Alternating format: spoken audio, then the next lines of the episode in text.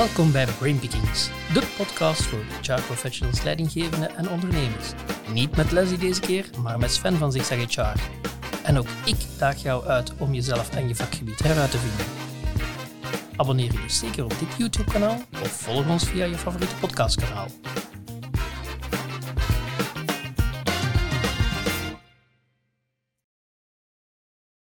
Op 11 mei reikte Zigzag HR tijdens het Unmask Your Talent event de allereerste Zigzag HR Zorro Awards uit, waaronder degene voor The One to Watch. En Sien de Puit wist toen de jury te overtuigen omwille van haar maturiteit, haar boeiende visie op HR en omdat ze onmiskenbaar het stuur van haar loopbaan in eigen handen neemt. Reden genoeg om schaamteloos in haar hoofd te kruipen, denk ik dan. En in één beweging neem ik Sharine Aftap mee Shireen is directeur marketing en communicatie bij VDAB en awardpartner van Zigzag HR Zorro Awards. We gaan het samen hebben over de arbeidsmarkt, over loopbanen, over jong talent en over HR natuurlijk. Welkom. Sien, de allereerste winnaar van een uh, Zigzag HR Zorro Awards voor de One to Watch, die ging, uh, dat was jij. Um, dat maakt van jou een beetje een bekende HR-professional. Eh, wat doet dat met een mens? Ja, dat was wel speciaal. Zeker om zo op dat grote podium te staan. Uh, maar ik vond het vooral gewoon leuk, het parcours er naartoe. Um, omdat ik zoveel nieuwe mensen heb leren kennen. En ook, ja, het is leuk om mensen te inspireren met mijn verhaal. Um, en dat is wel leuk. Natuurlijk, dat, dat is enkel in je professionele leven. Mijn LinkedIn was ontploft en binnen HR, iedereen dat ik kende, sprak mij daarop aan. Maar op, in uw professioneel leven ja, leeft dat eigenlijk niet, behalve zo uw familie die wel u supportert. Maar uit onverwachte hoek heb ik heel veel supporters gehad en dat waren echt wel mijn burgervriendinnen. Dus ja, de meisjes waarmee ik burgerlijke ingenieur gestudeerd heb. En dat is leuk om te zien, want dat is zo'n groep ja, van dames, ambitieuze dames, die elkaar willen optellen. En dat zie je niet altijd bij vrouwen. Nee. Dus dat, was leuk. Dat is inderdaad een leuke connectie dat je dan, dat je dan had. Hè. Uh, Shireen, voor jou nog geen uh, Zorro Award. hè? Uh, nog niet. Maar jullie waren wel de trotse partner. Hè? Um, en jullie hebben ook een BOA Award in de wacht gesleept mm. voor blind, blind Gesprongen, het programma waar Nora Garib vijf Vlamingen overtuigt om een carrièresprong te maken. Mm -hmm. wat was jullie opzet met het programma? Wel, sinds de nieuwe regering, nee, bijna oude regering, hè, hebben we eigenlijk de opdracht gekregen om uh, heel Vlaanderen te inspireren of te sensibiliseren in een loopbaan. Om die in beweging te zetten, om na te denken over een loopbaan. Uh, zitten we goed, zitten we, zitten we niet goed, dan moeten we iets anders doen. Of uh, is het tijd om eens uh, uw loopbaan onder de loep te nemen en een heel andere wending geven. Um, dat is niet zo heel evident om dat in een campagne te stoppen en die 180 graden move te maken. Dus hebben we het idee opgevat om eigenlijk samen met ons uh, reclamebureau te gaan kijken welke mogelijkheden dat we hebben. En daar kwam het idee uit van zo'n tv-programma te maken, samen met partners zoals Geronimo en DPG Media. En uh, het resultaat is dan blind gesprongen geworden. Wat een heel fijne ervaring is geweest. Ook stressvol voor de collega's die daaraan meegewerkt hebben, weten dat. Uh, dat is niet zo evident om vanuit een overheidsinstelling ineens in een tv-programma te stappen en, en mee de logica van artistiek enzovoort te gaan volgen. Dus dat was een superboeiende ervaring, waarmee dat we eigenlijk Vlaanderen wilden laten zien wat dat, dat betekent en welke drempels dat, dat zijn, welke emoties dat, dat met zich meebrengt. Die denkoefening, die switch maken en uiteindelijk wat dat je allemaal kan, zonder dat je eigenlijk daar ooit bij stilgestaan hebt. Um, en dat vooral, um, die denkoefening, die uh, analyses maken op basis van je competenties, niet op basis van je ervaring dat je al gehad hebt, of de dingen die je al gedaan hebt, maar eigenlijk door je potentieel in te schatten Um, door bijvoorbeeld uh, competentieoefeningen te doen, jobbereik enzovoort, of gewoon eens te gaan screenen en even te gaan piepen aan de overkant. Hè. Dat soort zaken zijn heel mooi aan bod gekomen uh, in dat programma. En we hebben gezien dat dat, een heel groot succes is geworden, waardoor dat we ook overtuigd begonnen zijn aan een tweede seizoen, dat ook volgend jaar in februari 2024 uh, eh, uitgezonden zal worden. Ja. Ik denk dat het allemaal heel herkenbaar is voor jou, Wessie, want jij bent ook uh, loopbaancoach. Hè. Jij, zet, uh, jij zet mensen graag mee in beweging. Zelf heb jij ervoor gekozen om niet in een gouden kooi te gaan zitten, maar in die beweging te blijven. En, en je wilt ja, zoveel mogelijk mensen aanzetten om ook die beweging te blijven houden. Ehm, moeten mensen eigenlijk in beweging zijn om met goesting te gaan werken dan? Of, uh... Maar eigenlijk nee en ja. Het is zoals Shirin ook zegt, je moet eerst een keer leren stilstaan. Een keer nadenken. En we leren dat eigenlijk niet. Ik vind, ja, we worden zo gepusht. Je bent 18 jaar, je moet weten wat je gaat studeren. Mhm. Ja, liefst in de periode dat je voorzien bent om af te studeren, drie jaar of vijf jaar afstuderen, hup, een job vinden, gaan werken, een huis kopen en voordat je het weet hang je vast aan een lening. En, allee, dus dat is eigenlijk wel... Allee, wij, wij leren dat niet, dat reflecteren. En ik heb eigenlijk mijn ogen uitgekeken op Erasmus. Ik ben naar München geweest, mm mijn tweede master was dat. En ik was daar eigenlijk ja, met een groepje vrienden uit Europa, vooral mensen uit Scandinavië.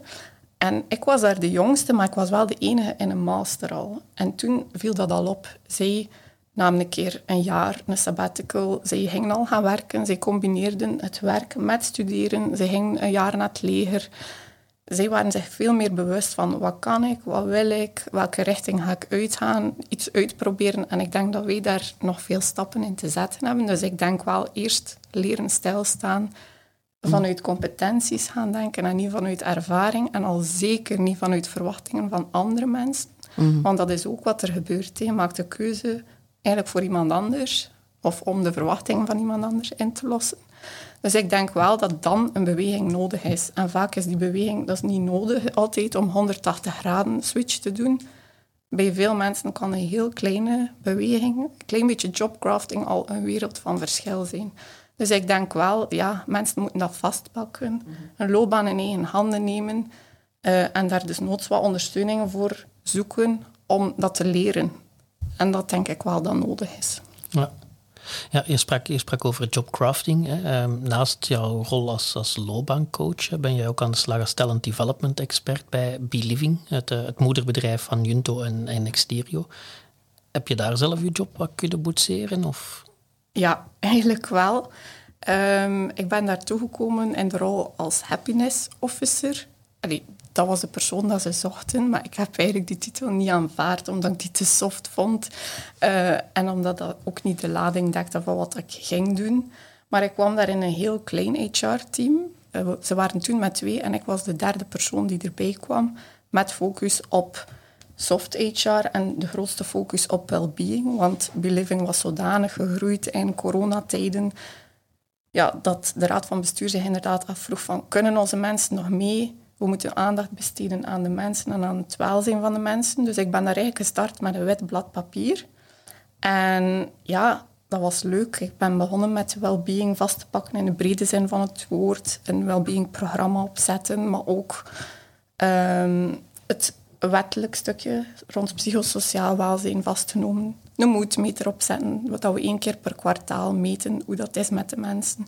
En daaruit heb ik heel veel geleerd. Bijvoorbeeld dat mensen aanhaven in die moedmeter van wij zijn eigenlijk niet op de hoogte van wat er allemaal gaande is. Wij weten niet dat er een winkel opent, want we hebben heel veel showrooms, heel veel openingen gehad. Dus van daaruit ben ik dan het stukje communicatie gaan opzetten een uh, nieuwsbrief opgezet, maandelijks een SharePoint intranet opgezet. Um, ook performance en development is daaruit voortgekomen van we moeten echt inzetten op groei van de medewerkers, naast dan het stukje evaluatie dat we moeten gaan structureren en vormgeven. Dus dat was leuk voor mij, dat was echt een wit blad papier. Maar na een jaar en een half, ik heb daar heel veel projecten mogen opzetten. Ik heb nog de helft niet genoemd, denk ik. Ja, was dat wit blad papier voor mij op. En ik merkte, ja, ik kreeg heel veel energie uit zaken opzetten en projecten opzetten. Maar ja, dat vraagt ook heel veel operationele opvolging. En na een jaar en een half kwam ik wel in een dipje terecht van... Oei, hoe kan ik dat hier nog allemaal doen? Het was ook eigenlijk niet meer realistisch. Het was niet meer haalbaar om het allemaal alleen te doen. Dat heb ik dan ook wel kunnen bespreken met mijn uh, leidinggevende. En dan hebben we een oplossing gezocht. Dus een collega erbij die een aantal stukjes heeft overgenomen. En ik mag nog meer mijn focus nu leggen op talent development, op leadership, op coaching, op learning and development. En dat is wel leuk dat ik mijn eigen job zo ook vastgepakt heb. Hm. Ja, je, je zei er straks ook hè, met mijn vriendinnen van bij de ingenieurstudies. Hè. Je hebt geen, uh, geen HR-achtergrond, maar uh, bent, uh, bent ingenieur. Um, op papier. Op papier. Dat maakt dat jij waarschijnlijk ook wel kan uitleven in, in alles wat HR Analytics is, HRIS-projecten uh, veronderstel ik dan ook wel. Hoe, hoe, belangrijk is volgens jou zo HR Analytics voor het HR-vakgebied? Ja, superbelangrijk, maar niet enkel voor HR. Ik denk voor alle vakgebieden. Maar ik merk wel in HR dat er niet zoveel data lovers zijn. Bijvoorbeeld, ik heb vijf jaar geleden het uh, postgraduaat um, HR management gedaan aan de Artevelde Hogeschool. En een van de vakken bij um, Frank van der Sijpen, ja, dat was rond duurzaam HR. En als eindopdracht moesten we een, een medewerkerstevredenheid enquête analyseren en moest daar een rapport van maken en analyse. En ik was echt de enige die dat leuk vond. dus ja, je merkt dat er zo'n grote angst is naar, ja, dat zijn cijfers, dat is Excel, dat zijn grafieken, dat is wiskunde, maar eigenlijk ja, is dat niet nodig, die angst. Um, maar ik merk wel dat er ja, nog heel veel werk te doen is. Je ziet vaak dat mensen ja, bijvoorbeeld een gemiddelde score berekenen, maar het gaat niet over gemiddelden. Soms moet je benchmarken, je moet een standaardafwijking berekenen. En het is zo die basiskennis eigenlijk van statistiek en wiskunde die soms ontbreekt, maar die eigenlijk niet zo moeilijk is. Hm. En het is ook niet enkel het, ja, het pure meten dat belangrijk is, maar ook de data op zich binnen HR. HR wordt vaak een beetje vergeten als afdeling om ja, mee te nemen in zo'n data-oefeningen. En ja, HR vertrekt vaak vanuit payroll-systemen, waar dat de medewerkersdata in zit. Vaak heel fel vervuild, die data. Dus ja, er is daar nog een hele grote denkoefening nodig van oké, laten we een keer zorgen dat we met een mooie basis beginnen, met een goede data, ja, een data warehouse die goed staat, van waaruit dat je zoveel efficiënter kunt werken. Want HR moet heel veel rapporten aanleveren. En als je ziet hoeveel kopieer, knip- en plakwerk dat er daaraan te pas komt, uit zoveel systemen dat ze rapporten trekken, dat is, ja, er is nog een uitdaging te doen. Ja, het is ook vaak gewoon op voorhand al weten van dit willen we kunnen gaan rapporteren en rapporten over gaan trekken. In plaats van, ja, dit is een berg data en, en nu gaan we eens beginnen zoeken, want dan gaat u ook verliezen daarin. Hè? Ja, dus, uh... ja, en je moet ook weten wat dat je wil meten, want je kunt meten om te meten, maar je moet meten om te weten en enkel die dingen aan meten waar je strategisch op zal inzetten. Je moet geen Bradford beginnen berekenen als je geen verzuimbeleid gaat installeren. Dus ja, vaak hebben HR-afdelingen dan wel misschien zo'n dashboard, maar wat doen ze ermee? Ja. En hoe, gaat je, hoe ga je het interpreteren ook nog? Hè? Mhm. Dat is, uh, en, en hoe ga je leidinggevende helpen om ermee aan de slag te gaan? Want als je een dashboard niet kan lezen, ben je er ook weer niks mee. Ja, je hebt het alleen nodig als je er ook een actieplan aan koppelt. Ja, klopt. klopt. Shireen, jou hebben we um, vroeger leren kennen als de woordvoerder van VDAB. Mm um, dan ben je vertrokken en toch teruggekomen. En een boemeranger, uh, zoals mhm. we dat dan uh, zo leuk noemen. Een boemerang, mhm. ook altijd in beweging. Mm maar blijkbaar is dan toch goed vertoeven bij VDAB. Wat maakt het, uh, wat maakt het daar zo leuk en dat je teruggekomen bent? Het is heel goed vertoeven bij VDAB. dat kan ik zeker volmondig bevestigen. Um, wat is er leuk aan VDAB? Ik denk van nature uit ben ik een civil servant. Dus zo dat, dat dienstige, dat zit daar wel in bij mij. Maar ook dat maatschappelijk belang. Als je bij VDAB werkt, werk je natuurlijk ook um, voor de arbeidsmarkt, voor niet alleen werkzoekenden aan het werk te helpen, maar ook dat sensibiliserend stuk, iedereen meenemen en dat loopbaandenken en dat perspectief, maar ook werkgevers helpen om ervoor te zorgen dat hun vacatures worden ingevuld en dan de vele expertise rond loopbaancoaching enzovoort, dat we dan zien op de markt om die samen te vatten en ook uh, eigenlijk aan relevante stakeholders te brengen, dat maakt het uberboeiend. En werk is, is zingeving. Werk, ik, sta op om te werken, ik zie mijn gezin heel graag, mijn vrienden nog meer. Allee, Hè? Dus, dus dat sociale zit daar zeker ook wel in, maar, maar werk is een essentieel deel, is ook iets emancipatorisch uh, voor onze samenleving in het geheel. Dus je hebt wel het, allee, ik heb zeker persoonlijk het gevoel dat ik meewerk aan, aan een betere samenleving uh, in het geheel door bij VDAB te gaan werken.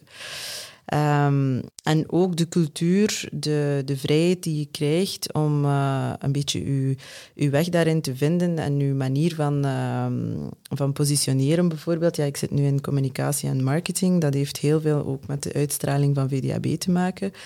Het is niet gemakkelijk. Het brandt op de arbeidsmarkt al jaren. Uh, er worden vele vragen gesteld, dus het is ook een boeiende uitdaging om die antwoorden te bieden en, en daar ook de tevredenheid van al uw stakeholders daarin terug te vinden. Dat is niet altijd zo en, en soms ook terecht, maar je moet daar echt wel het debat en het gesprek over aangaan, want het is niet alleen dat we het gaan oplossen. Uh, ook de HR-wereld is een heel belangrijke stakeholder voor ons, om, om dat gedachtegoed ook tot bij een werkzoekende, een burger, een, een, werkgever te brengen of ook gewoon relevante partners zoals een HR professional uh, om, om mee die beweging in de arbeidsmarkt te houden. Dus nee, nee, super boeiend bij de VDAB. Iedereen welkom, we hebben er nodig. ja, en, en, en ja, communicatieprofessional. Mm uh, communiceren is, is cruciaal, dat, dat weten we mhm. allemaal. Je zei het toch daarnet ook al. Um, heb je zo'n tip voor, voor HR? Ehm, van, van hoe kan je effectiever en efficiënter gaan communiceren, zowel intern als extern? Ik denk, ja, dat is een heel brede vraag, intern en extern. uh, ik denk als HR-professional of eender welk professional vandaag actief op de arbeidsmarkt, is belangrijk dat je goed nadenkt over wat is je kernboodschap. Niet te veel palaver, niet rond de pot draaien. Dat, dat is tijdverlies. Je moet to the point komen. Maar ik denk ook heel belangrijk, je moet afhankelijk van je... Uh, uw ontvanger uw boodschap aanpassen. Want het heeft geen zin om in uw eigen taal dingen te blijven zeggen, terwijl het de ander u niet begrijpt. Hè. Ehm, ik ben getrouwd met een Antwerpenaar. Wees gerust als West-Vlaming, dat vergt een aanpassing hè, om u begrijpbaar te maken. Hè. En dat, dat geldt ook voor uh, eender welk netwerk, eender welk boodschap dat je wil brengen. Uh, het gaat erover om verstaanbaar te zijn, om, om ook die link, die verbondenheid te vinden en dat gemeenschappelijk doel zichtbaar te maken in je communicatie. En uiteraard, en, en je mag nu zo'n goede communicatie gemaakt hebben, je moet die verspreiden, je moet die vertellen en meermaals vertellen.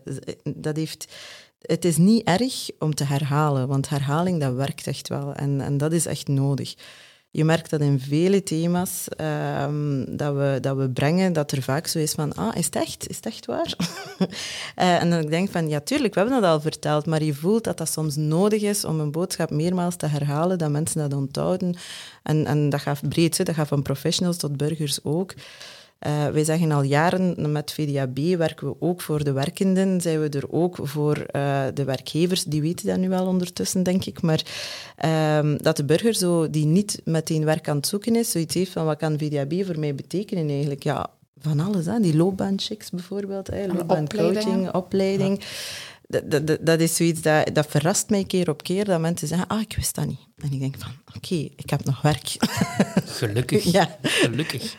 Ja, zeg, en dat, dat werk combineren met de, met de privé, hè, daar, daar worden we ook wel heel vaak van, oh, mm. dat, is, dat, is, dat, is niet, dat is niet haalbaar. Hè. Jullie zijn nu twee jonge vrouwen, mm -hmm. allen twee met een gezin, met kindjes, zien bij jou zelf uh, een tweede opkomst, proficiat. Mm -hmm.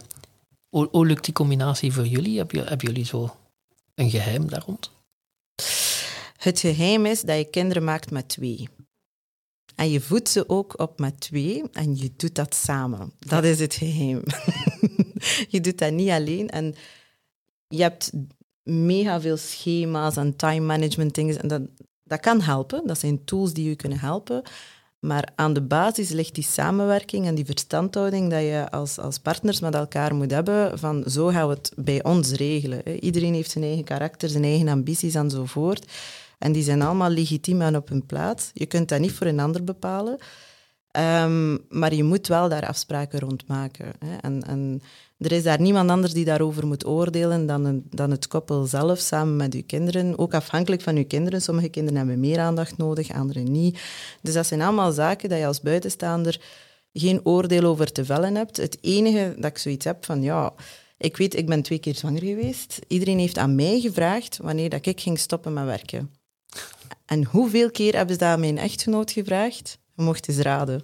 Hmm, niet te veel, denk ik. Nul keer. Niemand heeft dat gevraagd aan mijn echtgenoot, ga jij nu minder gaan werken? En ik neem daar aanstoot aan. Hè? Want we zijn al geëmancipeerd, we hebben ons mond vol van uh, het glazen plafond is al doorbroken. Maar in de feiten blijven we nog heel klassiek denken.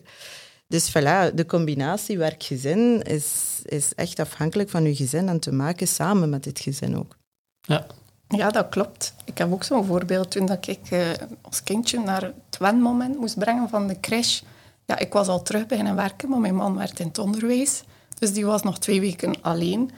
En hij ging dat doen, maar ze snapte niet in de crash dat mijn man ja, de uitleg ging doen van de gewoonten en het wen. Dat hij ging meegaan naar het wenmomentje. Dus ja, dat blijft zo raar. En wij nemen ook niet de klassieke rollen op. Ja, mijn man in het onderwijs. Ikzelf ik ben dan ingenieur van opleiding. Maar ja, dat werkt. En wij geven elkaar ook heel veel vrijheid. We hebben ook allebei een bijberoep. Mijn man gaat heel graag gaan skiën.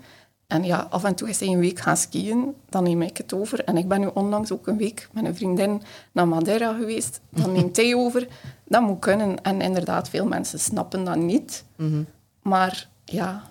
En wij zijn ook geen uitzonderingen meer. Alleen in onze vriendenkring denk ik ook van, ja, ik zie niet anders. Maar toch, de, de, de klassieke patronen, die blijven. Of zo... Ja, zeker in het schoolse contact. Ik wil nu onderwijs zeker niet viseren, maar, maar daar merk ik echt wel zo van... Uh, als, als uh, opvang, uh, als wij te laat zijn met de opvang, ja, dat gebeurt dus af en toe dat we te laat zijn, of bijna te laat zijn om, ons, om onze kinderen op te vangen, dat ze bellen. Die bellen altijd naar mij.